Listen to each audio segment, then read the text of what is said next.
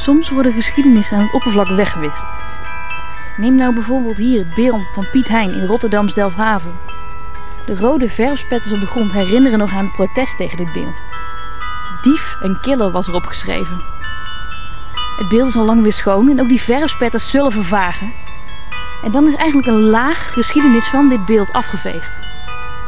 Want wat staat er wel voor op vereeuwigd? Deen admiraal Pieter, Pieterszoon Hein. Het dankbaar nageslacht. Onthuld 17 oktober 1870. Geboren te Delfshaven 27 november 1577. Iets in het Latijn. Den heldendood gestorven. 20 juni 1629. Dus eigenlijk herinnert er bij dit beeld niets aan de rol die Piet Hein heeft gespeeld in het slavernijverleden van de stad Rotterdam of in het Nederlands slavernijverleden. En dat is veelzeggend, want waar in de stad vind je sporen terug van het verre verleden van de stad? Of van het koloniale verleden? Nou, als je goed weet waar je moet zijn, dan zul je het nooit meer kunnen missen. Het slavernijverleden is onderdeel van de stad. Het is ermee verweven en Rotterdam is mede groot geworden door de inkomsten uit het slavernijverleden. Maar ik zal bij het begin beginnen. Terwijl ik naar de volgende locatie fiets, introduceer ik deze podcast verder in een voice-over.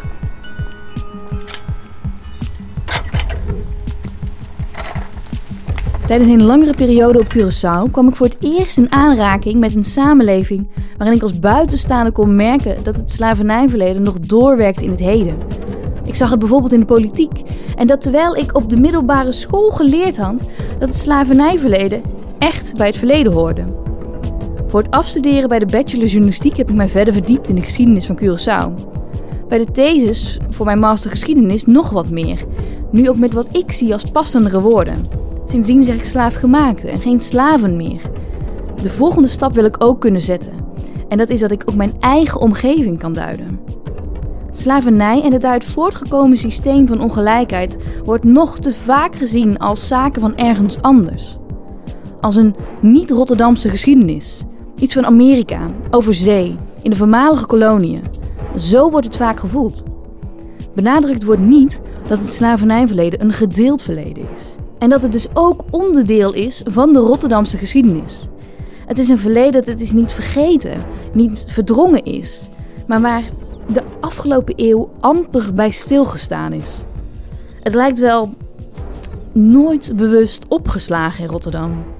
De tijd van geld kunnen verdienen aan de slavernij was lang voorbij en dus dacht het grotere, witte publiek hier in Nederland, hier in Rotterdam, niet meer aan die voormalig slaafgemaakte over zee. Hoe is het slavernijverleden dan een Rotterdams verleden? Nou, dat ga ik in deze podcast onderzoeken. Als historicus wil ik mijn eigen omgeving kunnen duiden. Als Rotterdammer wil ik mijn stad beter leren kennen. Als mens wil ik leren over de aspecten van het slavernijsysteem en het daaruit voortgekomen systeem van ongelijkheid en ongelijke behandeling ten aanzien van mensen van kleur en zwarte mensen. Het systeem van racisme dus. Als witte vrouw heb ik het privilege dat ik hier geen ervaring mee heb. en wauw, heb ik nog een lange weg te gaan in het proces voor ik in kan zien hoe omvangrijk dat privilege is. Misschien zal ik het wel nooit leren. Deze podcast over het slavernijverleden van de stad is dus ook onderdeel van mijn leerproces. Ik ben een witte journalist-historicus die zoekt naar de koloniale geschiedenis van mijn stad. En in vier afleveringen neem ik jou in vogelvlucht mee door dat verleden. En we beginnen bij het begin van Rotterdam. Ja, dat is ver voor de transatlantische slavernij. In de 13e eeuw was deze slavenhandel nog niet opgestart, maar het is wel het geboortejaar van Rotterdam. En we beginnen dus bij het begin. En we zullen eindigen in het heden. En daar werken we naartoe. Welkom bij Nooit Bewust Opgeslagen. De podcast over het Rotterdam slavernijverleden. Oeh, hij is vrij. Ja, ja, ja. Oh, dat ging vrij, dat ging vrij soepel. Ja, we zijn veilig aan de overkant. We zijn natuurlijk die Hofpleinrotonde niet voor niets overgestoken. Want Arie van der Schoor, jij bent bij het Stadsarchief historicus. Je weet alles van historisch Rotterdam.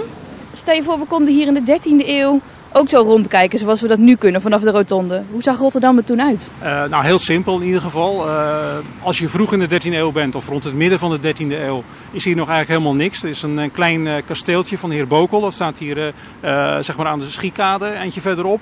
Een klein torentje was dat. Waar een, het was de ambachtsheer, heer Bokel. Die was hier de baas in dit gebied ten westen van de Rotte.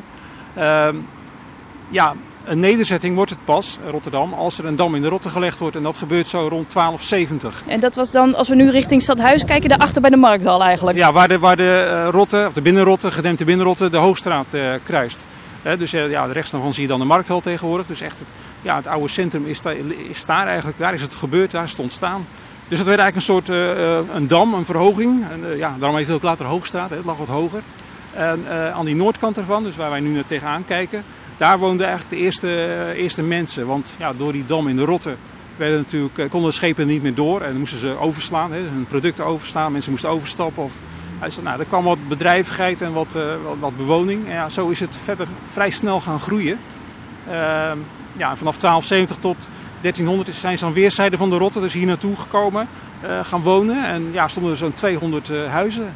Toen je er straks over uh, kasteel uh, van, van de heer Bokel had, toen draaide je naar het noorden, naar wat nu de Schiekade is. Hoe heette dat kasteel? Wena. Wena. Wena? Ja, het Wena. Ja, we staan hier ook vlakbij het Wena. Maar dat was de, wat was de naam? Ja, de, de, waar die naam vandaan komt is nog niet helemaal duidelijk. sommigen zeggen ja, dat is het, het, het middeleeuwse woord wedeme. Wedema, dat is een, een huwelijksgift. Ja, dat zou kunnen. Dat, dat, dat, het, ja, dat, dat, dat, kasteel een huwelijksgift was. Uh, er werd ook al gezegd, ja, dat is Weide A, dus een soort water wat dan breed is. Ja, daar zijn ze nog niet helemaal over uit, maar uh, het Wena zal het wel blijven hangen. Die naam bestaat natuurlijk nog steeds. En uh, ja, het Hof van Wena heet het, of het kasteel van Wena. Dat, ja, het stond er in de, nou, het, is in de, het heeft zo'n 200 jaar, vanaf 1250 stond het er. En het is in de 15e eeuw bij de Hoekse en Kabeljauwse twisten is het vernield. Ja, maar je zegt dus het Hof van Wena, dus dat dit de Hofplein is? Ja, dat is ook daar weer naar genoemd natuurlijk. Ja, ja, hof dat kan van alles betekenen, meestal hoeven, maar ook een wat, wat grotere plaats. En uh, ja, het is eigenlijk een soort kasteeltje eigenlijk, hè? Dat, is, dat is de naam. En je ziet dat al die namen gewoon blijven bestaan natuurlijk en dat is al uh, best wel heel oud. De heer Bokel had vast niet kunnen voorstellen dat we nu zoveel jaar later op de Hofpleinrotonde bij uitkijkend als je naar het westen kijkt, naar de Wena, waar dan nu een heel groot centraal station is. Dat, dat, zou hij zich niet kunnen voorstellen. Nee, dat kan echt niet. Nee, het was zo klein natuurlijk en uh, ja, Rotterdam was al niet zo heel erg groot. En, want ja, in de 14e eeuw wordt het wat groter en dan krijgen ze echt stadsrecht. En dan aan het eind van de 14e eeuw, zo rond 1400, heb je ja, er misschien 2000 mensen of zo. Dus het is nog niet heel erg groot. Ja, voor toen was het toch wel, uh, voor hier althans, een vrij aardig stadje. Ja, dat het zo hard zou gaan, dat weet natuurlijk niemand. Dat is, ja, wij kunnen ons ook niet meer voorstellen dat hier een kasteeltje lag en, en uh, ja, dat je hier een, een, een rot had die dan gedempt werd vooraan met sluizen erin. Hè. Er waren allerlei sluizen in. ja, dat is natuurlijk helemaal niet meer voor te stellen. 13e eeuws Rotterdam is onherkenbaar veranderd. Eeuw na eeuw groeide de stad. Die groei is door veel gebeurtenissen en zaken beïnvloed. En ook het slavernijverleden is onderdeel geweest van die groei. Als je weet waar je moet kijken, zie je de sporen van deze geschiedenis echt nog wel terug. Eens zien, eens zien, pagina, pagina. Pagina 115 van de gids Slavernijverleden Nederland. Dit stuk gaat over Rotterdam. De stad Rotterdam was betrokken bij zowel de VOC als de WIC. Maar herbergde bovendien het op één na grootste particuliere slavenhuis. Koopstad en Rogussen. Rotterdamse schepen vervoerden ruim 60.000 tot slaafgemaakten van West-Afrika naar de Cariben. En in de stad Rotterdam werden diverse producten vervaardigd. Die werden ingezet bij de slavenhandel. Deze gids was er niet geweest zonder Dieneke Hondius, Nancy Jouwe, Dieneke Stam en Jennifer Tosh. De Rotterdamse locaties zijn aangeleverd en geschreven door Dionne Goedhoop, Rowan van der Stelt en door mijzelf. En in deze aflevering en in de volgende afleveringen van deze podcast zullen we bij de locaties in deze gids langs gaan. Op pagina 116, 116 staat de eerste locatie in de gids over Rotterdam. En dat is de boompjes. En nou ja, het toeval wil dat ik daar nu sta. Deze kade, want het is, voor als je het niet kent, een kade aan de Maas, was in de 18e eeuw Het economisch hart en het centrum van de koloniale handel in Rotterdam. Als je op stand wilde wonen, woonde je hier. En nu is het een kade vol met hoge gebouwen en moderne bruggen. Maar toen was het anders. Er stonden hier statige pakhuizen, statige herenhuizen. Een van de belangrijke panden die hier stond was het Oost-Indisch Huis van de VOC dus. In dat pand werden belangrijke besluiten genomen over koloniale handel en mensenlevens. Met een beetje inbeeldingsvermogen kun je hier nog wel indenken dat hier, zeker als je dan die ogen dicht doet, hoge pakhuizen ziet staan en schepen ziet aanmeren om producten over te laden. Op naar de volgende locatie. De volgende locatie zit aan de Witte de Wit. Hier ga ik het niet hebben over het koloniale verleden van de Wit. Ik heb hier een afspraak met een historicus. Ik ben namelijk heel benieuwd hoe verschillend wij kijken naar het koloniale verleden van de stad. Haar inzichten kan ik meenemen op deze verkenningstocht naar het slavernijverleden van Rotterdam.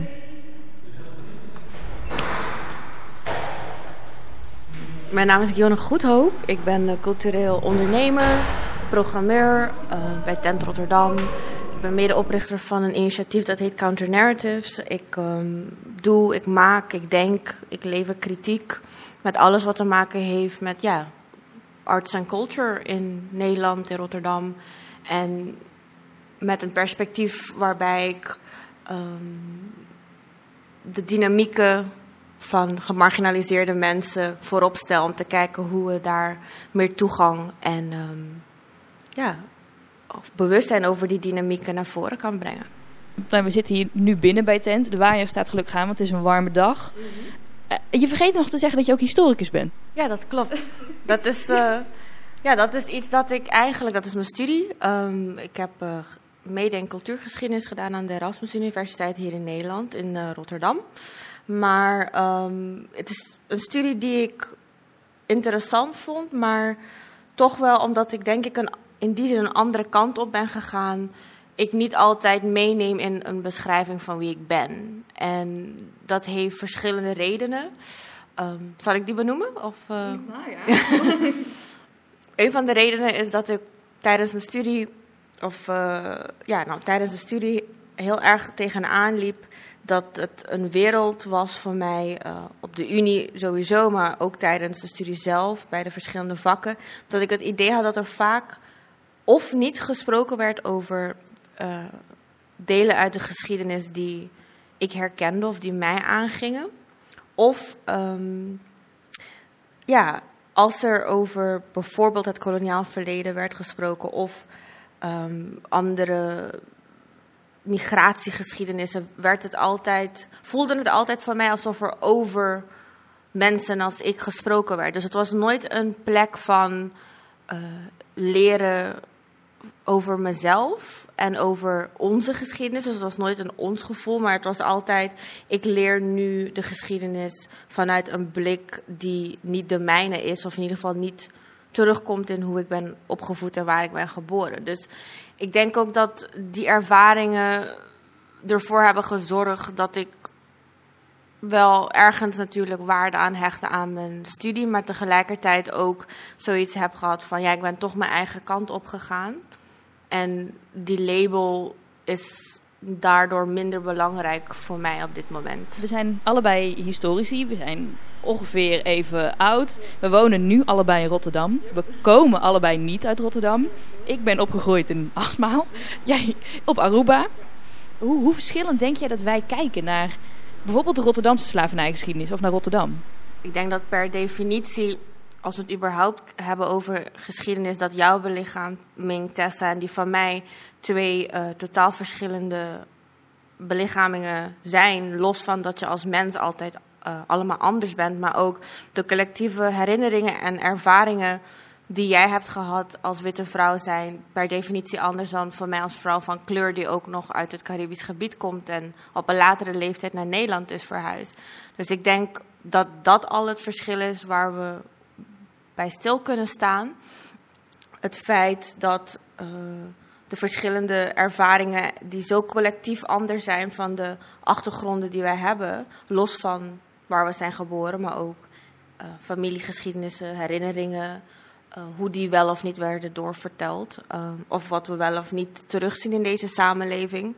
Um, ja, dat dat al het verschil maakt eigenlijk. Van hoe we de universiteit of de, Of de stad. of de stad hebben, hebben ervaren. En als je het hebt over het koloniaal verleden van Rotterdam. Want dat is dus je vraag, toch? Ja. Van, ik denk dat voor mij als persoon die op een latere leeftijd überhaupt naar Nederland is verhuisd, maar ook dus direct naar Rotterdam, um, ik zag heel veel um, sporen van koloniale erfenissen in type gebouwen. En elke grote Europese stad bijna die een haven heeft, heeft ook een geschiedenis van slavernij. Dus al die al die uh, ja, remnants, al die uh, erfenissen zag ik terug, maar het werd nooit geëxpliciteerd. Ook niet tijdens de studie. Of ook niet in de, ja, in de publieke domeinen of bij debatten of in musea. Het is grappig dat jij zegt jij, dat jij het terugziet. Want ik had dus, ik zag het dus niet terug in, in zeg maar mijn omgeving. Ik had echt een soort van breuk nodig en een, pro, een productie zoals deze om het te kunnen gaan zien in mijn stad. Waar zag je het dan bijvoorbeeld terug? Uh, vooral uh, bijvoorbeeld daar bij het Lloydkwartier. Um, en dat betekent niet dat dat directe erfenissen zijn van, zeg maar, dat dat letterlijke huizen of pakhuizen waren die er toen al waren. Maar je ziet in de bouw, in de architectuur, dat dat daar wel heel sterk terugkomt. En toevallig is het dan bij een ja, deel van de haven. Dat is dus niet toevallig. Ik ben iemand die, omdat ik in mezelf verhalen en geschiedenissen meedraag die door de witte lens vaak ook geromantiseerd worden en ik me daarin dus ook niet gerepresenteerd voel uh, als dat een keer langskomt, um, kijk ik altijd zelf om me heen als ik ergens ben. Dus ik kijk naar gebouwen, ik kijk naar dingen die ik herken vanuit verhalen van mijn familie of, of dingen, foto's van vroeger. Uh, van mijn ouders of zo. En ik probeer daar altijd soort van dwarsverbanden in te vinden. En ik leer zelf uh, graag autodidact ook, dus ik lees en onderzoek zelf heel veel. Dus dat is hoe ik het eigenlijk ben gaan zien. Tijd om weer terug te gaan naar het verleden. De tijd dat Piet Hein door Rotterdam liep, begin 1600. Alex van Stipriaan is hoogleraar Caribische geschiedenis aan de Erasmus Universiteit. Als ik hem spreek, is hij druk bezig met de afronding van zijn boek. En dat boek gaat over het slavernijverleden van de stad Rotterdam. Hij is dus precies de deskundige die meer kan vertellen over Rotterdam anno 1600. En ook hoe mensen aankeken tegen die zilverroverende Piet Hein. Ja, Rotterdammers uh, wisten zeker van slavernij. Um, omdat natuurlijk heel veel Rotterdammers naar Afrika gingen, naar Suriname gingen, naar Curaçao, naar al die plekken, Noord-Amerika, um, waar de slavernij plaatsvond. Dus je moet je voorstellen dat er echt um, duizenden soldaten, matrozen, uh, zeelui, et cetera, um, naar al die plekken toe zijn geweest. En een groot deel daarvan kwam ook weer terug. Dus die hadden het systeem met eigen ogen kunnen zien. En zijn natuurlijk met verhalen teruggekomen. Die verhalen weten we niet, want die zijn niet opgeschreven. Maar het is niet zo dat je uh, het idee van ja, men wist er toen niet van. Dat is echt uh, onzin. Um, natuurlijk uh, wist men ervan. Um, en bestuurders wisten ervan, regenten wisten ervan, want die verdienden er zelf ook geld aan. Um, scheepsbouwers wisten ervan, want die bouwden schepen die daar naartoe gingen. En de een wist er meer van dan de ander, maar het was absoluut een bekend gegeven. En een aantal jaar na de oprichting van de WIC kwam nu iemand die we terugzien als Rotterdammer. En toen onderdeel van, van Delfshaven terug met een, uh, nou ja, een vloot vol zilver. En dat wordt nu nog gezien als een grote geldschieter voor de slavernij. Waren Rotterdammers er toen ook al mee bezig van, nou ja, er was hier iemand vandaan en die heeft heel veel zilver binnengehaald voor de Nederlandse staat? Die er niet bestond. ja, ja, ja, ja. Uh, ja, daar, daar waren ze zich zeer bewust van. Uh, overigens heeft hij ook, ook gewoon in Rotterdam zelf gewoond, hoor, niet alleen in Delfshaven. Dus op een gegeven moment is hij burger van uh, Poorter, zoals dat dan heet, van uh, Rotterdam geworden. Of dat, volgens mij is het hem zelfs aangeboden omdat hij echt zo'n uh, ja, helderrol kreeg toegeschreven. Ehm, en daar was men zich zeer van bewust. Het moment dat hij terugkwam met die zilvervloot, is hij echt toegejuicht. En, en, en dat is heel lang zo doorgegaan. Dus nou ja, een, een mooi voorbeeld daarvan is dat ehm, de West-Indische Compagnie de WIC, die had uh, vijf verschillende afdelingen. En uh, Rotterdam was er daar één van, samen met Delft en Dordrecht. En um, dat heette bij elkaar de Kamer de Mazen. Um, en langzamerhand werd Rotterdam daar de belangrijkste in. En uiteindelijk zelfs gewoon de enige, zal ik maar zeggen. Um, en die, uh, zoals in andere steden ook, was er dus in Rotterdam een West-Indisch huis. Het hoofdkantoor van de Rotterdam WIC. En dat West-Indisch huis, dat was een heel groot, maar eigenlijk een verzameling van een aantal panden. En daarin um, de, de, de, de, mooiste en mooist versierde kamer was uh, de kamer van de bewindhebbers. Waar zij vergaderden, dus zeg maar de directeuren van de WIC. Die vergaderden daar, een grote kamer van, van iets van 8 bij 5 uh, of 8 bij 8 meter, ik weet niet uit mijn hoofd. Uh, met uitzicht op het Haringvliet. Met het grote schouw. En op die schoorsteenmantel hing een portret van Piet Hein. Wanneer het er precies is opgehangen, dat weet ik niet, want dat, die panden dateren van de jaren 1630. Uh, maar dus al heel snel nadat uh, Piet Hein met die zilvervloot binnenkwam, uh, is dat portret opgehangen. En waarschijnlijk is dat het portret wat nu nog in de collectie van het Museum Rotterdam in bezit is. En daaronder, onder dat portret en dus in het zicht van die bewindhebbers, hing, of was een, een gedicht aangebracht. Dus misschien is het leuk als ik dat even voorlees. Ik ben wel benieuwd. Ja, ik heb het uh, speciaal opgezocht. Um, en dat gaat als volgt. De bliksem die het beeld van aardrijks dwingeland, dat is de Spanje, lest sloeg de kroon van het hoofd, de scepter uit de hand, voorspelde deze hein, de zeeschrik van Delfshaven, die het al verovert wat West-Indië kan graven, dus zilver in dit geval. Het verenigd Neerland vrees voortaan voor geen beleg, Philippus, koning Philips van Spanje, leidt in zwijm en heeft den doodsteek weg. Nou, hier wordt gewoon met zoveel woorden dus gezegd, uh, ja, wordt de helderrol van uh, Piet Hein um, heel duidelijk onderstreept. En dat met dat zilver, uh, ja, de strijd tegen de koning van Spanje uh, werd gevoerd en werd beslist in het voordeel van uh, de republiek. En nu weten we dat het zilver ook gebruikt is, zeg maar, om de slavernij uh, de slavenhandel een, een boost te geven. Waren er ook, ook Rotterdamse plantages in, in Suriname of op Curaçao of op andere gebieden? Ja, zeker, zeker. misschien nog één ding over Piet Hein, wat we altijd vergeten, is dat het eigenlijk, um, wat mij betreft, uh, niet uitmaakt of hij nou die zilvervloot heeft uh, gestolen of gekaapt of hoe je het ook wil noemen. Um, maar waar het nooit over gaat, is dat al dat zilver is ook met slavenhanden uit de grond gehaald.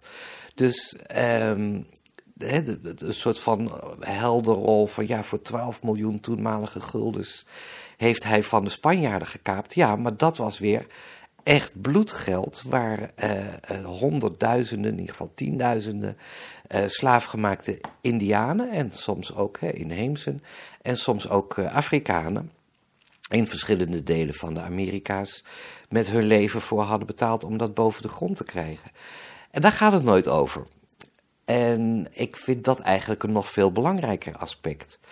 Dus ook aan die prijs hing een heel erg prijskaartje in mensenlevens. Ja, dat, uh, dat hoor je inderdaad niet. Het gaat altijd om uh, het zilver dat bracht uh, welvaren naar, naar Nederland. Ja, ja, precies. Ja. En dan de vraag uh, in hoeverre Rotterdam slash Rotterdammers ook in die slavenkoloniën actief waren. Ja, heel erg. Er, waren, er zijn um, heel, heel veel Rotterdammers of mensen die via Rotterdam daar naartoe gingen. actief geweest in de slavenhandel, in de, slaven, in de productie van suiker, koffie, katoen, cacao, tabak. Um, dus ja, Rotterdam zat daar tot over zijn oren in. En dat kun je ook wel zien. Kijk, het, het hele um, koloniale project, als je het zo zou kunnen noemen, is ook een heel erg cultureel project. Dus geweest en, en eigenlijk nog. Um, dus je ziet dat de hele wereld in die tijd is herbenoemd vanuit de ogen van Hollanders, Nederlanders, Engelsen, Fransen, Portugezen, noem maar op. Nou, daar heeft Nederland een steentje aan bijgedragen. Hè, zoals je weet, een van de kolonies was Nieuw Amsterdam in Noord-Amerika. Uh, dat zegt het al, een, een, gebied wat bewoond werd door Noord-Amerikaanse inheemse, werd Nieuw Amsterdam genoemd. Uh, vervolgens veroverd door de Engelsen en die noemen het dan New York, het nieuwe York.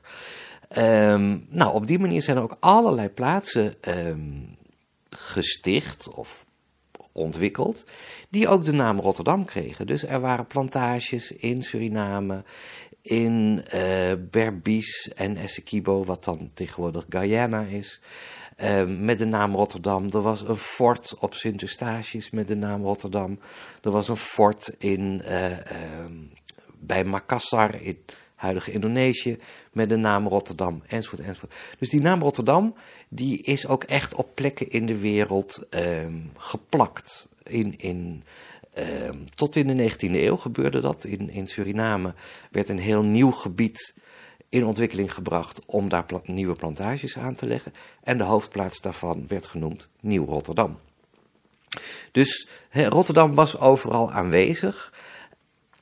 En ook op een wat meer indirecte manier. Je hebt allerlei schepen en plantages gehad die de naam Maasstroom kregen. Nou, dat verwijst natuurlijk ook naar de Maasstad. Onmiskenbaar, uh, allemaal, allemaal naar Rotterdam. Precies, ja. Dus toen waren ze al op dezelfde manier zo trots op de naam Rotterdam, zoals je dat nu dan soms op uh, zo kan horen. Rotterdam is zo'n zo'n trots. Alleen toch is dit dan een, een deel van Rotterdam, zijn geschiedenis die we niet kennen.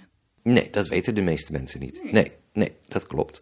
En dat is natuurlijk, um, hangt natuurlijk mede samen met het feit dat het een soort geschiedenis is waar mensen nu niet meer helemaal erg trots op zijn. Heel zacht uitgedrukt. En waren er ook, ook slaafgemaakten in, in Rotterdam? Want in Nederland was eigenlijk geen slavernij, maar... Ja, absoluut. Ja, de hele geschiedenis door in, vanaf uh, begin 17e eeuw tot uh, aan het eind van slavernij in 1863 um, ehm, zijn er slaafgemaakte mensen um, of mensen die in slavernij hadden geleven, geleefd en daar al um, vrijgelaten waren, gemanumiteerd zoals dat toen heette, meegekomen met hun, tussen aanhalingstekens, eigenaars naar Nederland en dus ook naar Rotterdam. En um, ik heb dat een beetje proberen uit te rekenen op een gegeven moment. Je moet je voorstellen dat er uh, in, alleen al vanuit Suriname in ieder moment van de 18e eeuw er zeker een, een twintig zwarte mensen in Rotterdam rondliep. Dan had je natuurlijk nog mensen uit uh, West-Afrika. Daarvan weten we ook bijvoorbeeld um, een van de, de mannen die een, een groot, uh, belangrijke koopman was in Elmina, de hoofdplaats van de WIC in het huidige Ghana. Um, die had kinderen met een Afrikaanse vrouw. En die stuurde zijn kinderen voor opvoeding naar Nederland. Nou, hij had goede relatie met uh, de firma uh, Koopstad en. En um, stuurde zijn kinderen naar Roggese. Um, van, wil je zorgen dat ze ergens ondergebracht worden, een kostschool of wat dan ook. Um, en die liepen dus ook in Rotterdam uh, rond. En er waren natuurlijk kinderen uit uh, Indonesië die gestuurd werden voor uh, opvoeding. Of bediendes die meegenomen werden uit, uit Indonesië, uit West-Afrika, uit Suriname, uit Antillen, uit Noord-Amerika. Dus ja, er liepen altijd vele tientallen, of enige tientallen mensen van kleur rond in Rotterdam. Uh, het is altijd onderdeel ook geweest van de stad Rotterdam dus? Ja, absoluut. Ik bedoel, de, de, aantallen waren kleiner. Maar Rotterdam was natuurlijk ook kleiner. Dus enige tientallen op uh, 50 tot 60.000 mensen uh, in een vrij beperkt gebied, hè, zeg maar het centrum uh, um, van Rotterdam. Dat was absoluut zichtbaar. En ook dat waren natuurlijk mensen die met hun verhalen, misschien zelfs dus vanuit een heel ander perspectief, in Rotterdam rondliepen. Die zelf slaaf waren geweest, of het nog waren. En um, vanuit hun eigen ervaring daarover konden praten. Dus die verhalen en de kennis over slavernij is er altijd geweest. Um, het het, het uh, punt was, je, je zei het zelf al, in Nederland bestond geen slavernij. Dat is natuurlijk al opmerkelijk dat je in je eigen land dat systeem verbiedt, maar ervan profiteert door het juist elders uh, uh, in te stellen. Oké, hier bestond het dus niet, maar het werd wel, uh, er werd geen strobreed in de weg gelegd van mensen die anderen in slavernij hadden. Um, als ze hier kwamen um, en binnen zes maanden tot een jaar weer teruggingen naar Curaçao of Suriname of Afrika. Uh, dan waren de mensen die uh, in slavernij waren meegenomen, bleven slaaf. Um, overschreden ze die termijn van zes en eventueel verlengd tot twaalf maanden, dan was iemand in principe vrij. Maar het kon dus zomaar zijn dat je hier had rondgelopen in een slavenstatus en ook zo weer wegging binnen zes maanden tot een jaar. Als het maar zo lang ook al onderdeel is van Rotterdam en van alle verhalen die daar rondgegaan zijn, is zeg maar dat het nu een. Het, het is dus geen vergeten geschiedenis, het is geen verdrongen geschiedenis, het is echt gewoon nooit lang genoeg bij stilgestaan, het is nooit bewust opgeslagen eigenlijk. Letterlijk natuurlijk wel heel erg letterlijk, want het archief, eh, het stadsarchief van Rotterdam ligt vol met documenten uh, die daar opgeslagen liggen. Mm -hmm. en dat is het geheugen van de stad. Dus het is er wel, in fysieke vorm, absoluut. Um, is het, het is moeilijk om te zeggen, is het nooit opgeslagen. Um, het is zeker deel van het bewustzijn geweest van de stad. Um, door al die verhalen die van mensen die uh, elders geweest waren en het met eigen ogen hadden gezien. Um, maar ook van mensen die zich daar op een meer intellectuele manier uh, mee bezig hielden. En um, ja, uiteindelijk natuurlijk ook mensen die zich bezig hielden met de afschaffing van de slavernij. Dus ja, bewustzijn was er wel. Um, en het is ook nog wel na afschaffing van de slavernij, ook in Rotterdam, eh, herdacht, of liever gezegd, nu zeggen we herdenken, toen zei ze vieren. Het vieren van, dus toen dat eh, 25 jaar geleden was, toen het 50 jaar geleden was, 1888, 1913, is daar zeker ook aandacht aan besteed. Het is eigenlijk meer in de 20e eeuw dat het langzaamaan wegzakt. En hoe langer het geleden is, hoe meer het wegzakt, hoe meer het ook niet meer klopt met het zelfbeeld van wij zijn een moderne samenleving en nou ja, en meer en meer dat het beeld, en dat geldt voor heel Nederland, hè, uh, het beeld van slavernij, dat is iets van Amerika, van de Verenigde Staten.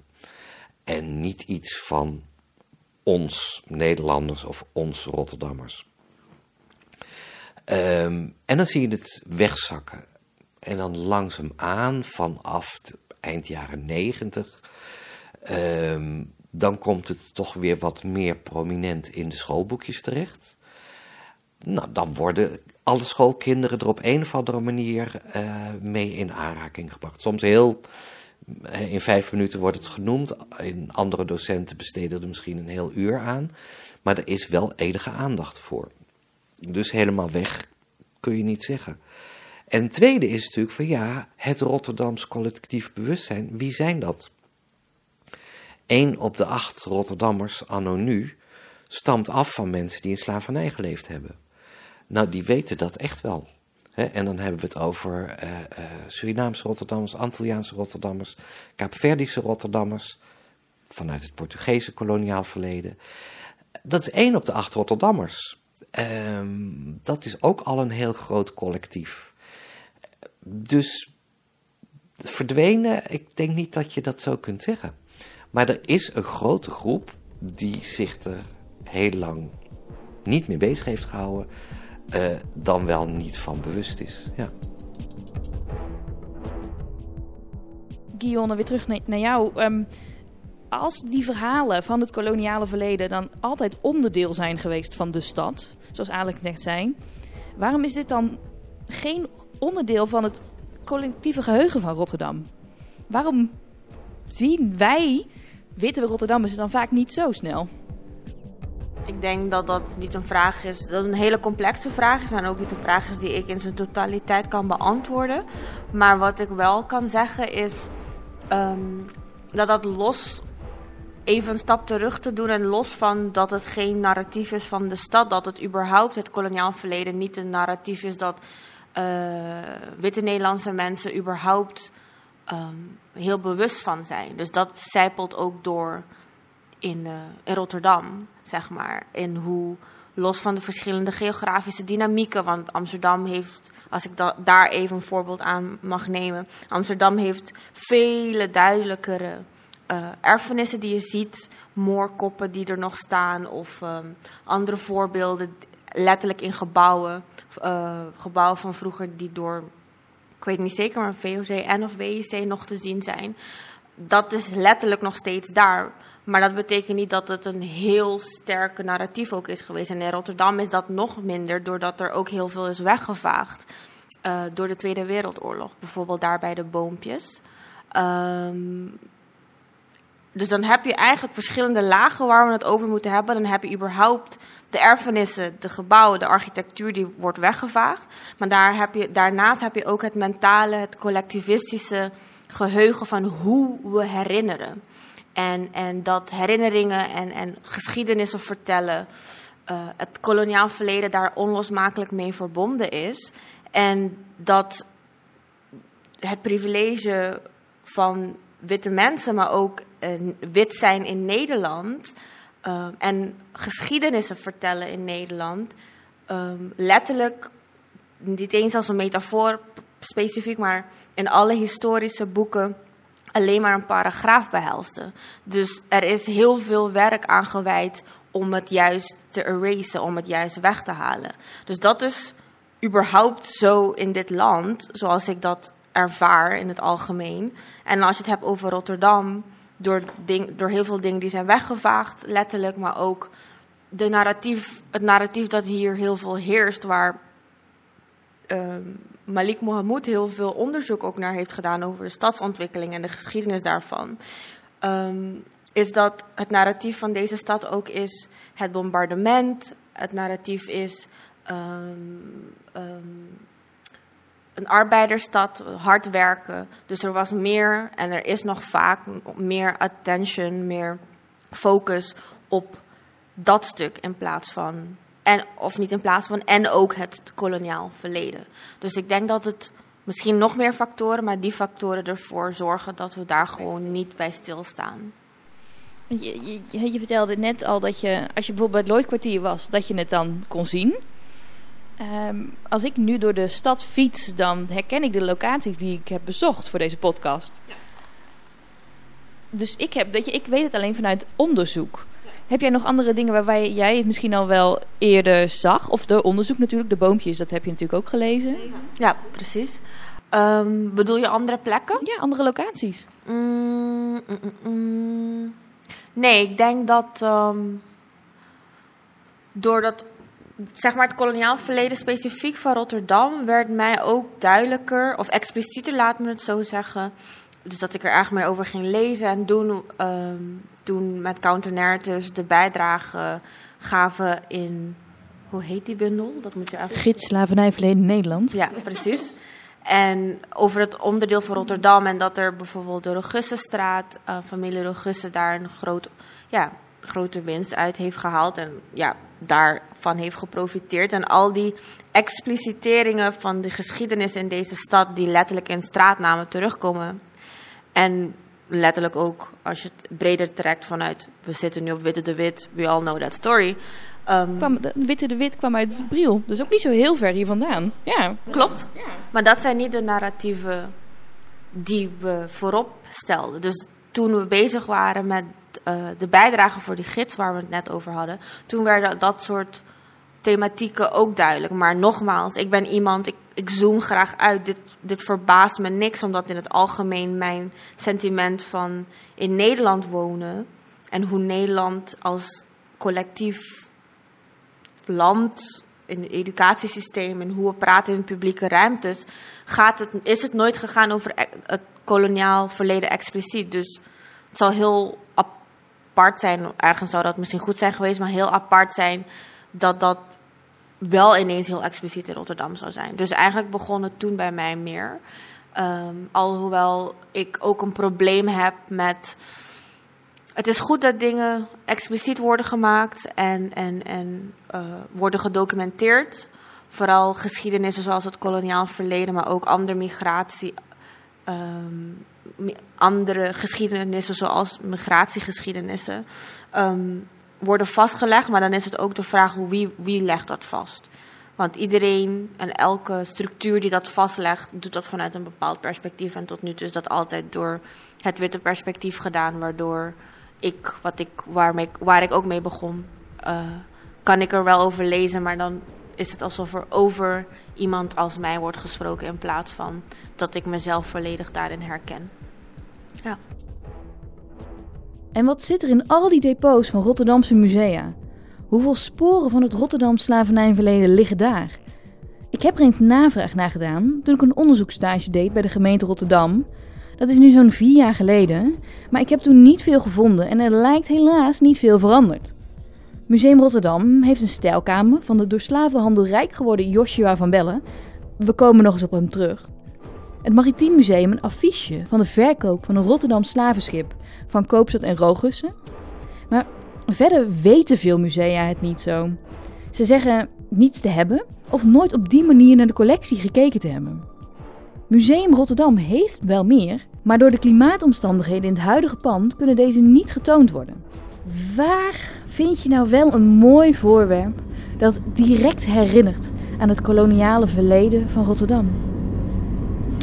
Hmm, ik weet het. Je moet er wel even voor op pad. Rijksmuseum.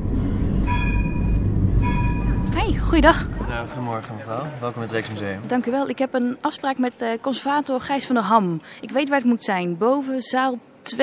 Ja, kan ik doorlopen? Geen bezoek. Hey, hallo Gijs. Nou, wat zien we hier? We zien hier een enorm grote zilveren schaal, heel ondiep, uh, met een bijbehorende kan, een schenkkan.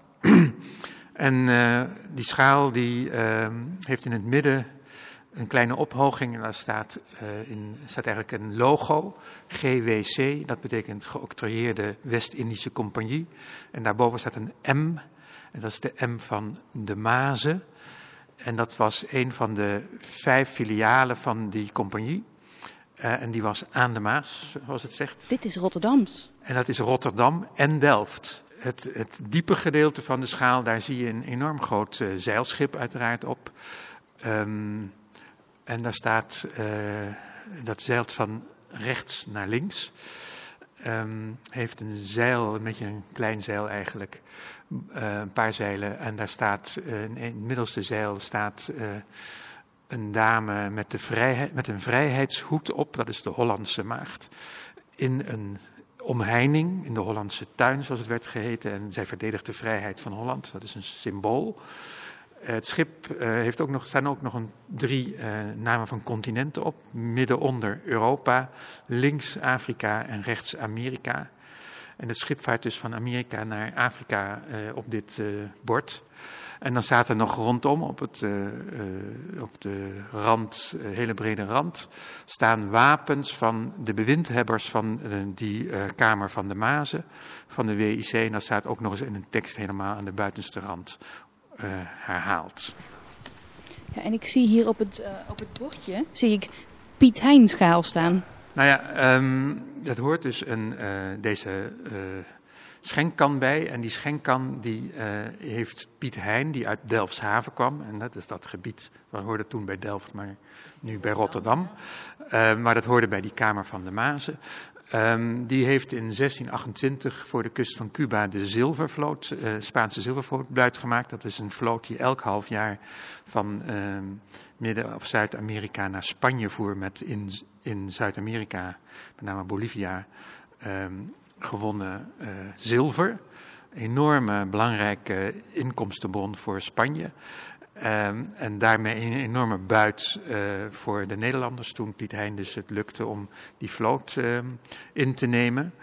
Um, en dat was een heldendaad van je welste, die enorm gevierd werd in, uh, in Nederland. Nogal, want die schaal is echt, echt enorm. Ja, dus die, die kan die heeft hij echt gevonden aan boord van een van die schepen die schaal die is later gemaakt, rond 1680. Hè, die, die, overwinning van de zil, zilvervloot was 1628. en rond 1680 hebben ze van, het, van een deel van het zilver wat op die vloot was gevonden, hebben ze, uh, uh, zo gaat het verhaal, deze uh, kan gemaakt. En die, in het midden kan die, of deze schaal gemaakt, in het midden kan die kan dus staan. En, en, dat werd uh, zeg maar, bij, bij ceremonieën van die windhebbers, vergaderingen of bepaalde andere bijeenkomsten, uh, werd die kan met die schaal dan op tafel gezet. En vaak met water erin, zodat je je handen kon wassen. En dan spetterde dat water netjes in, op die schaal. Um, was natuurlijk, uh, de WIC was een handelscompagnie die in Afrika en Amerika actief was. En een van de belangrijkste of, of in van meest opmerkelijke handel was de handel in mensen. De slavenhandel die uh, natuurlijk van Afrika naar Amerika ging. In Afrika werden mensen uh, gevangen genomen en gedwongen op zo'n schip gezet. En die moesten vervolgens in Amerika werden ze verkocht of op plantages uh, te werk gesteld. Um, waarom dit schip, dat is denk ik meer voor de compositie van de, van de naar links vaart in plaats van naar rechts. Ja, dat is uh, waarschijnlijk de vrijheid van de kunstenaar en, geweest. Ja, nu is het Rijksmuseum een fantastisch museum om te zijn hoor. Maar waarom moet ik helemaal vanuit Rotterdam hier naartoe komen om dit Rotterdamse voorwerp te zien? Terwijl er in Rotterdam niet zoveel tastbaars meer is aan dit verleden. Nee, dat is uh, uh, inderdaad jammer voor Rotterdam. Um, dit, wij zijn natuurlijk geen Amsterdam museum, we staan wel in Amsterdam, maar we zijn het museum van Nederland, dus ook van Rotterdam. Um, dit, deze schaal is uh, toen de uh, West-Indische Compagnie aan het eind van de 18e eeuw werd, uh, failliet ging eigenlijk en opgeheven werd. Toen is die schaal bij de nieuwe Nederlandse overheid terechtgekomen. In diezelfde periode namelijk um, werd, was er in Nederland een revolutie nadat we door Frankrijk waren bezet. En is er een eenheidsstaat ontstaan. Daarvoor was dat niet zo. En een nieuwe koloniale uh, departement eigenlijk heeft toen uh, spullen van onder andere de Kamer uh, van de Mazen van de West-Indische Compagnie, als het ware centraal naar Den Haag gehaald. En tegelijkertijd werd er in Den Haag ook, in wat nu wat Huis ten Bos is, wat nu de woning van de koning en de koningin is, daar werd een nationaal museum geopend, het heet de Nationale Kunstgalerij. En in 1804 al uh, zijn deze spullen daar in dat museum terechtgekomen. En die Nationale Kunstgalerij, die is maar een paar jaar in Den Haag geweest. Toen in 1808 al naar Amsterdam verhuisd. Dat werd de nieuwe hoofdstad van uh, dat centraal, nu centraal geregeerde land. En um, nou ja, uiteindelijk is daar het Rijksmuseum uit voortgekomen. Dus eigenlijk is deze, deze, dit ensemble al langer eh, onderdeel van de collectie van het Rijksmuseum dan het ooit eigendom van de West-Indische Compagnie was. Digitaal spreek ik ook met Valika Smulders. Ze is het hoofd van de afdeling geschiedenis in het Rijksmuseum. Gijs is ook volgens Valika dé expert als het gaat om die zilveren schaal van zojuist. Toch zet het mij aan het denken, want de geschiedenis wordt nog vaak opgeschreven door witte, oudere mannen. Hoe kan het dan een inclusieve geschiedenis zijn? Een geschiedenis voor alle Nederlanders? Um, in mijn visie wordt het niet alleen maar door uh, witte oudere mannen uh, bestudeerd. Um, hoe ik ermee omga, is ik probeer uh, niet alleen te werken vanuit die historische boeken die jij bedoelt. Ik snap dat er, uh, als het gaat om de geschiedenis van Nederland, er veel geschreven is door Nederlandse historici. Maar het slavernijverleden is natuurlijk uh, groter dan dat.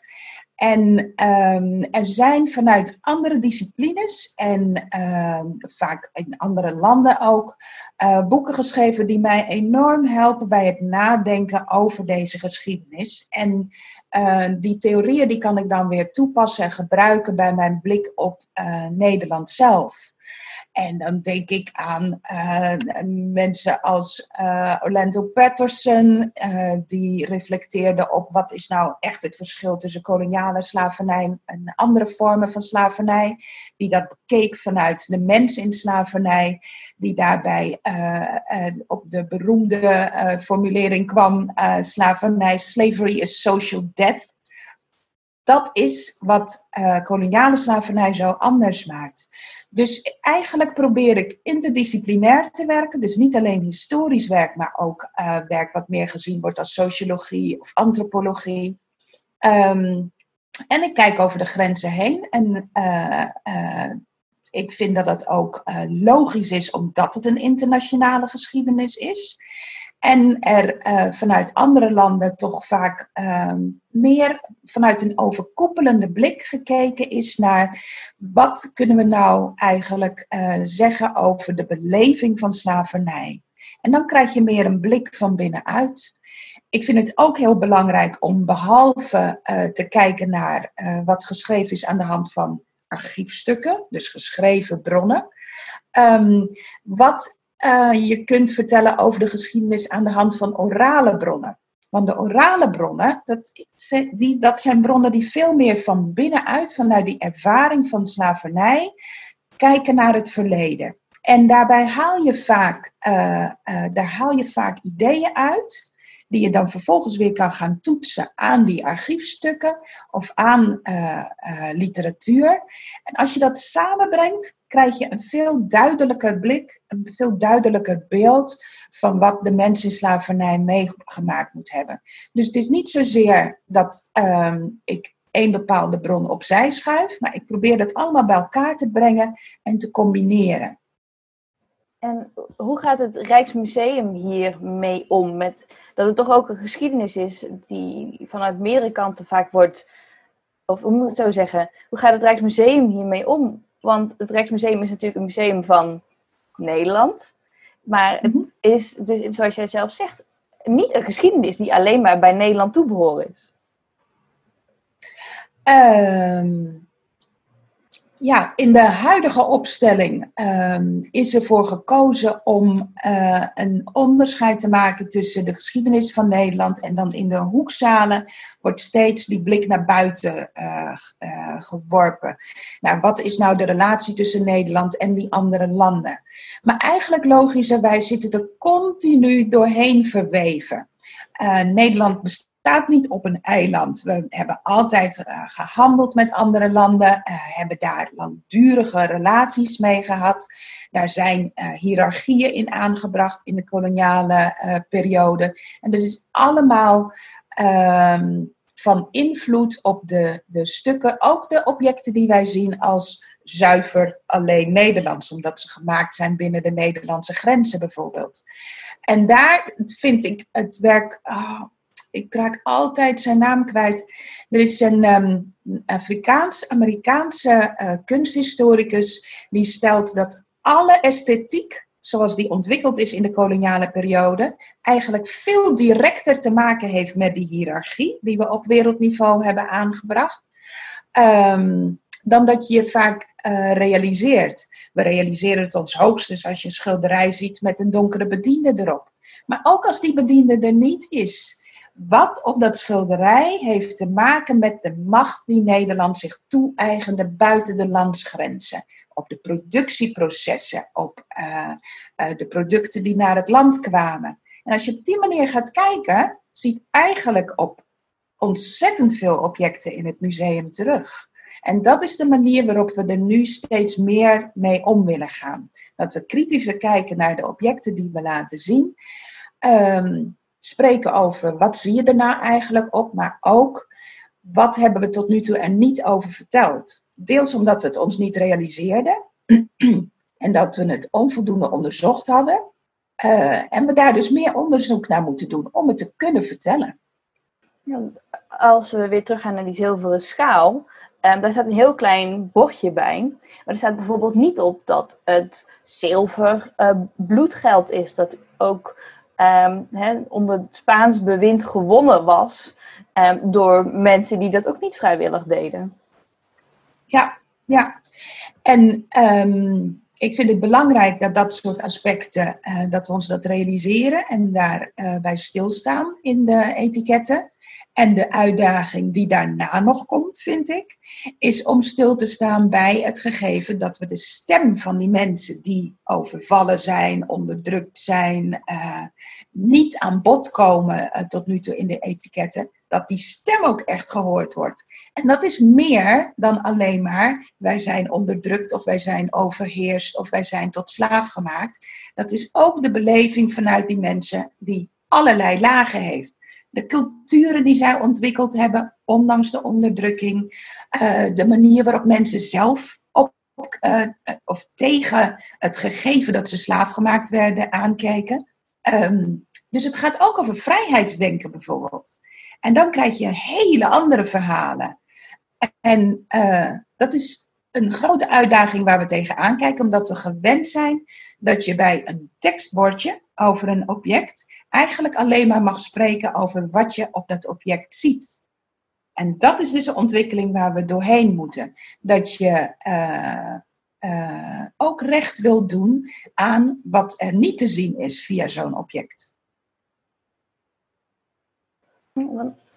In hoeverre heeft dan misschien dat soort kennis buiten wegen laten, hmm. buiten musea, buiten boeken, misschien wel een soort systeem van onderdrukking ook in stand gehouden. En dat je, nou ja, dat, dat je ook hele groepen, witte mensen, niet leert um, dat het slavernijverleden veel meer is dan het slavernijverleden. Dat het, uh, en dat opstand veel meer kan zijn dan een opstand. Dat een eigen cultuur in stand houden ook een vorm van opstand is, bijvoorbeeld.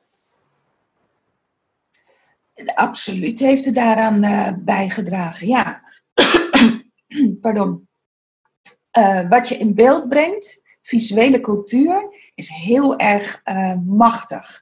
Dus als je een museum binnenloopt en je ziet allemaal portretten van voornamelijk uh, witte mannen, dan wordt jouw beeld van de geschiedenis ook dat degenen die belangrijk waren, degenen die de geschiedenis bepaald hebben, dat dat die mensen zijn.